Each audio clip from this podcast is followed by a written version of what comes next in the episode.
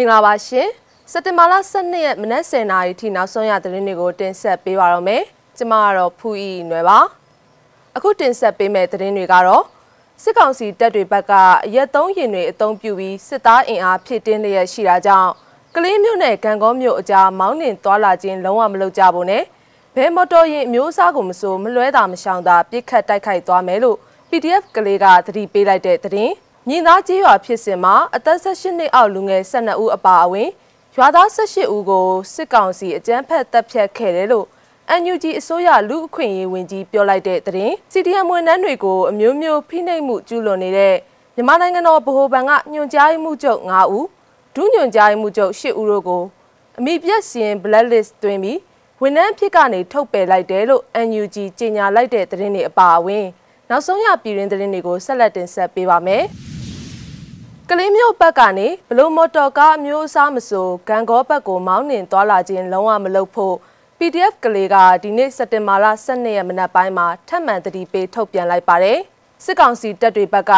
အရက်သုံးရင်တွေအုံပြုပြီးစစ်သားအင်အားဖြည့်တင်းလျက်ရှိတာကြောင့်မောင်းနှင်သွားလာတဲ့ဘဲမော်တော်ကားအမျိုးအစားကိုမဆို PDF ကလေးတပ်ဖွဲ့ဝင်တွေအနေနဲ့မလွဲတာမရှောင်တာပြစ်ခတ်တိုက်ခိုက်သွားမှာဖြစ်ကြောင်းကြိုတင်အသိပေးရတာဖြစ်တယ်လို့ဆိုပါတယ်။ တိုက်ပွဲအခြေအနေတွေကြောင့်ကလေးမျိုးနဲ့ဂံကောမျိုးအကြားမော်တော်ကားတွေဖြတ်တန်းသွားလာခြင်းမပြုလုပ်ဖို့ PDF ကလေးကအကြိမ်ကြိမ်မြစ်တာရက်ခံထုတ်ပြန်ထားခဲ့ပြီးတဲ့နောက်ပိုင်းအခုလိုအသိပေးလာတာဖြစ်ပါတယ်။ဒီနေ့စက်တင်ဘာလ12ရက်မနက်ပိုင်းဂံကောမျိုးနယ်နှမ်းခါနဲ့ထဲလော်ရွာအကြားမှာဒေသခံပြည်သူ့ကာကွယ်ရေးတပ်ဖွဲ့တွေနဲ့အာဏာသိမ်းစစ်ကောင်စီတပ်တွေအကြားတိုက်ပွဲပြင်းထန်လျက်ရှိတယ်လို့လည်း PDF ကလေးကဆိုပါတယ်။ နောက်ထပ်သတင်းတစ်ပုဒ်အနေနဲ့မကွေးတိုင်းဒေသကြီးကံကောမြို့နယ်မြင်းသားကြီးရွာဖြစ်စဉ်မှာစစ်ကောင်စီတပ်ဖွဲ့တွေကအသက်18နှစ်အောက်လူငယ်12ဦးအပါအဝင်ရွာသား18ဦးကိုအကြမ်းဖက်တပ်ဖြတ်ခဲ့တယ်လို့ NUG အစိုးရလူအခွင့်အရေးဝန်ကြီးဦးအောင်မျိုးမင်းကသူ့ရဲ့ Facebook ကနေတဆင့်ရေးသားဖော်ပြခဲ့ပါတယ်။အလောင်းတွေဟာအစုလိုက်အပြုံလိုက်တိတ်ဆုံးနေတာဖြစ်ပြီးအဲ့ဒီတွေက8ဦးဟာဦးကောင်းကိုတနက်တင်နဲ့ထုခံထားရတဲ့ဒဏ်ရာတွေနဲ့ဦးကောင်းကိုချိန်ပြီးပြစ်တက်ခံထားရပါတယ်။ တက်ကြီးရွယ်ကိုတအူဟာလက်ပြန်ကျိုးတုပ်ခံထားရပြီးကျောမှာရိုက်နှက်တံရတွေနဲ့တိတ်ဆုံးခဲ့ကြောင်းတွေ့ရပြီးနောက်တက်ကြီးရွယ်ကိုတအူကိုတော့ကလထိုင်မှာကျိုးတုပ်ထားပြီးတနက်နဲ့ပြစ်တက်ထားခဲ့တာဖြစ်တယ်လို့ဆိုပါတယ်စစ်ကောင်စီတပ်တွေရဲ့တပ်ဖြတ်ခံခဲ့ရသူတွေကတော့အသက်80အရွယ်ဦးထွန်းငွေအသက်50အရွယ်တွေဖြစ်ကြတဲ့ဦးကျော်စံဦးအောင်ငွေဦးအောင်တင်ဦးရန်အေးအသက်35နှစ်အရွယ်မောင်တိုးမောင်မောင် အသက်16နှစ်အောက်အရွယ်တွေဖြစ်ကြတဲ့ပြည့်ဖြိုးဝင်ငိမ့်စီသူဖြိုးစော်မင်းတက်ထွန်းအောင်ရှိုင်းထက်အောင် အငယ်လေးထက်နိုင်ဦးပြုံးမောင်မောင်ရှိန်ဘုံနိုင်နိုင်မျိုးထွန်းအပူလေးအောင်နိုင်တို့ဖြစ်ကြပါတယ်စက်တင်ဘာလ9ရက်မနက်7:00နာရီလောက်ကစစ်ကောင်စီတပ်ဖွဲ့30ဝန်းကျင်ဟာမကွေးတိုင်းကံကောမြို့နယ်မြင်းသားကြီးရွာကိုရောက်ရှိလာပြီးလက်နက်ကြီးတွေနဲ့စတင်ပစ်ခတ်ခဲ့တာဖြစ်ပါတယ်။ ရွာတောင်ပိုင်းကနေအိမ်30ကျော်ကိုမီးရှို့ဖျက်ဆီးတာ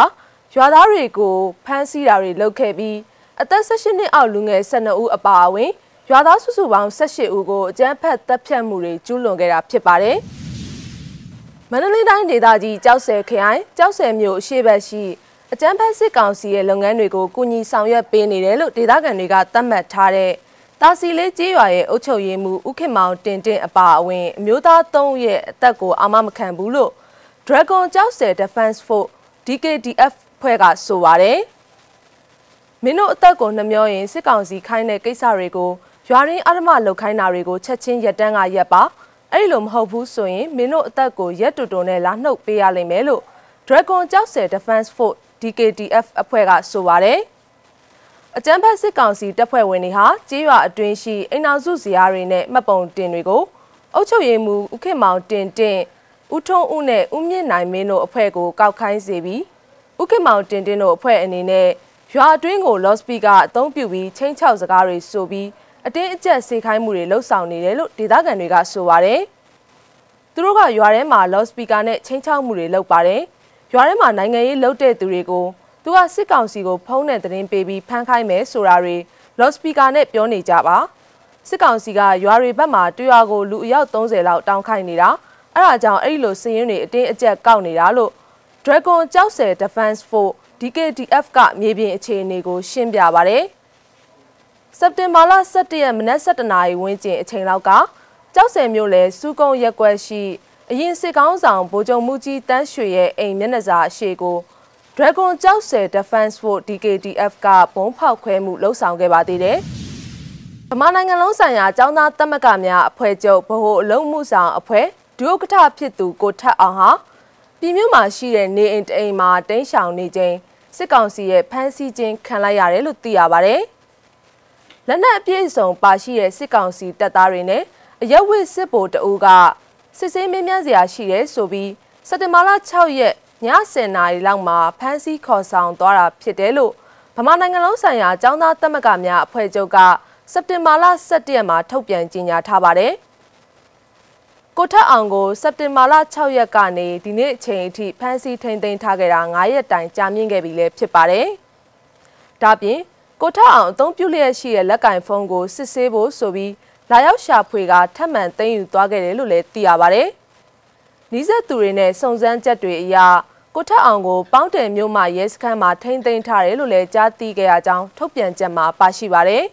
။ဒါကြောင့်ចောင်းသားကောင်းဆောင်ကိုထက်အောင်ရဲ့လုံခြုံရေးနဲ့ အသက်အန္တရာယ်အတွက်များစွာစိုးရိမ်ပူပန်မိတယ်လို့ဘာကတများအဖွဲ့ချုပ်ကဆိုထားပါတယ်။ကိုထက်အောင်ဟာရခိုင်အရေးနဲ့ပတ်သက်ပြီးဆီယနာရှင်စန့်ကျင်လှုပ်ရှားမှုတွေပြုလုပ်ခဲ့တာကြောင့်2020ခုနှစ်နိုဝင်ဘာလကထောင်ဒဏ်တစ်နှစ်ကြာခံခဲ့ရပြီးပြန်လည်လွတ်မြောက်လာတာမကြသေးသူလည်းဖြစ်ပါတယ်။ CDM ဝန်ထမ်းတွေအပေါ်မျိုးမျိုးသောဖိနှိပ်မှုတွေကျူးလွန်နေတဲ့မြန်မာနိုင်ငံတော်ဗဟိုဘဏ်ကညွှန်ကြားမှုချုပ်9ဦးဒုတိယညွှန်ကြားမှုချုပ်10ဦးတို့ကို အမိပြက်စီရင် blacklist တွင်ပြီးဝန်ထမ်းဖြစ်ကနေထုတ်ပယ်လိုက်တယ်လို့မြို့သားညွှန်ရေးဆိုရ NUG ကကြေညာလိုက်ပါတယ်။တရားမဝင်အာဏာသိမ်းစစ်ကောင်စီရဲ့လက်အောက်မှာဆက်လက်တာဝန်ထမ်းဆောင်နေပြီး CDM ဝန်ထမ်းတွေကိုဖိအားပေးတာချင်းချောက်တာယာရုကနေထုတ်ပယ်တာဝန်ထမ်းအဖြစ်ကနေထုတ်ပစ်တာတရားစွဲဆိုတာနဲ့အမျိုးမျိုးသောဖိနှိပ်မှုတွေကိုကျူးလွန်နေတဲ့မြန်မာနိုင်ငံတော်ဗဟိုဘဏ်ကညွှန်ကြားမှုချုပ်နဲ့ဒုညွှန်ကြားမှုချုပ်စုစုပေါင်း73ဦးတို့ကို blacklist သွင်းပြီးဝန်ထမ်းအဖြစ်ကထုတ်ပယ်လိုက်ကြောင်း NUG စီမံကိန်းဗန်နာရေးနဲ့ယင်းနှမြုံနယ်မှုဝင်ကြီးဌာနပြောင်စုဝင်ကြီးဦးတင်ထွန်းနိုင်အမိန့်နဲ့ကြေညာလိုက်တာဖြစ်ပါတယ်။ NUG အစိုးရအနေနဲ့အကြမ်းမဖက်အာဏာဖီဆန်ရေးလှုပ်ရှားမှု CDM မှာပါဝင်ခဲ့ကြတဲ့နိုင်ငံဝန်ထမ်းသူရဲကောင်းတွေရဲ့လူမှုဖူလုံရေးလုံခြုံဘေးကင်းရေးနဲ့ဖိအားကင်းစင်စေရေးတို့အတွက်အလေးထားဆောင်ရွက်လျက်ရှိတယ်လို့လည်းဆိုပါတယ်။နောက်ဆုံးအနေနဲ့ထိုင်းရောက်မြန်မာလူသမားတွေစုပေါင်းပြီး ဆီယနာရှင်အလိုမရှိကြောင်းနဲ့ NUG အစိုးရကိုထောက်ခံကြောင်းစက်တင်ဘာလ17ရက်ကဆန္ဒပြခဲ့တဲ့ရုပ်သံကိုလည်းဖွင့်ပြကြပါတယ်။ဆီယနာရှင်တောင်းဆောင်ရေးမိုကရေစီရရှိရေးတော်ရေးတော်ရေးဒီမိုကရေစီရရှိရေးတော်ရေးတော်ရေးတို့ပြည်သူတွေညီရဲ့လားဟဲ့ညီရဲ့ညီရဲ့တို့တို့ကလည်းညီရဲ့လားဟဲ့ညီရဲ့ညီရဲ့အရေးရဖို့အားရမည်အရေးရဖို့အားရမည်အရေးရဖို့အားရမည် မဇ္ဈိမ TV ရဲ့နောက်ဆုံးရသတင်းတွေကိုတင်ဆက်ပေးကြတာပါ။စောင့်မျှော်ကြည့်ရှုခဲ့ကြတဲ့ပရိသတ်တွေအားလုံးကိုကျေးဇူးအထူးပဲတင်ရှိပါရရှင်။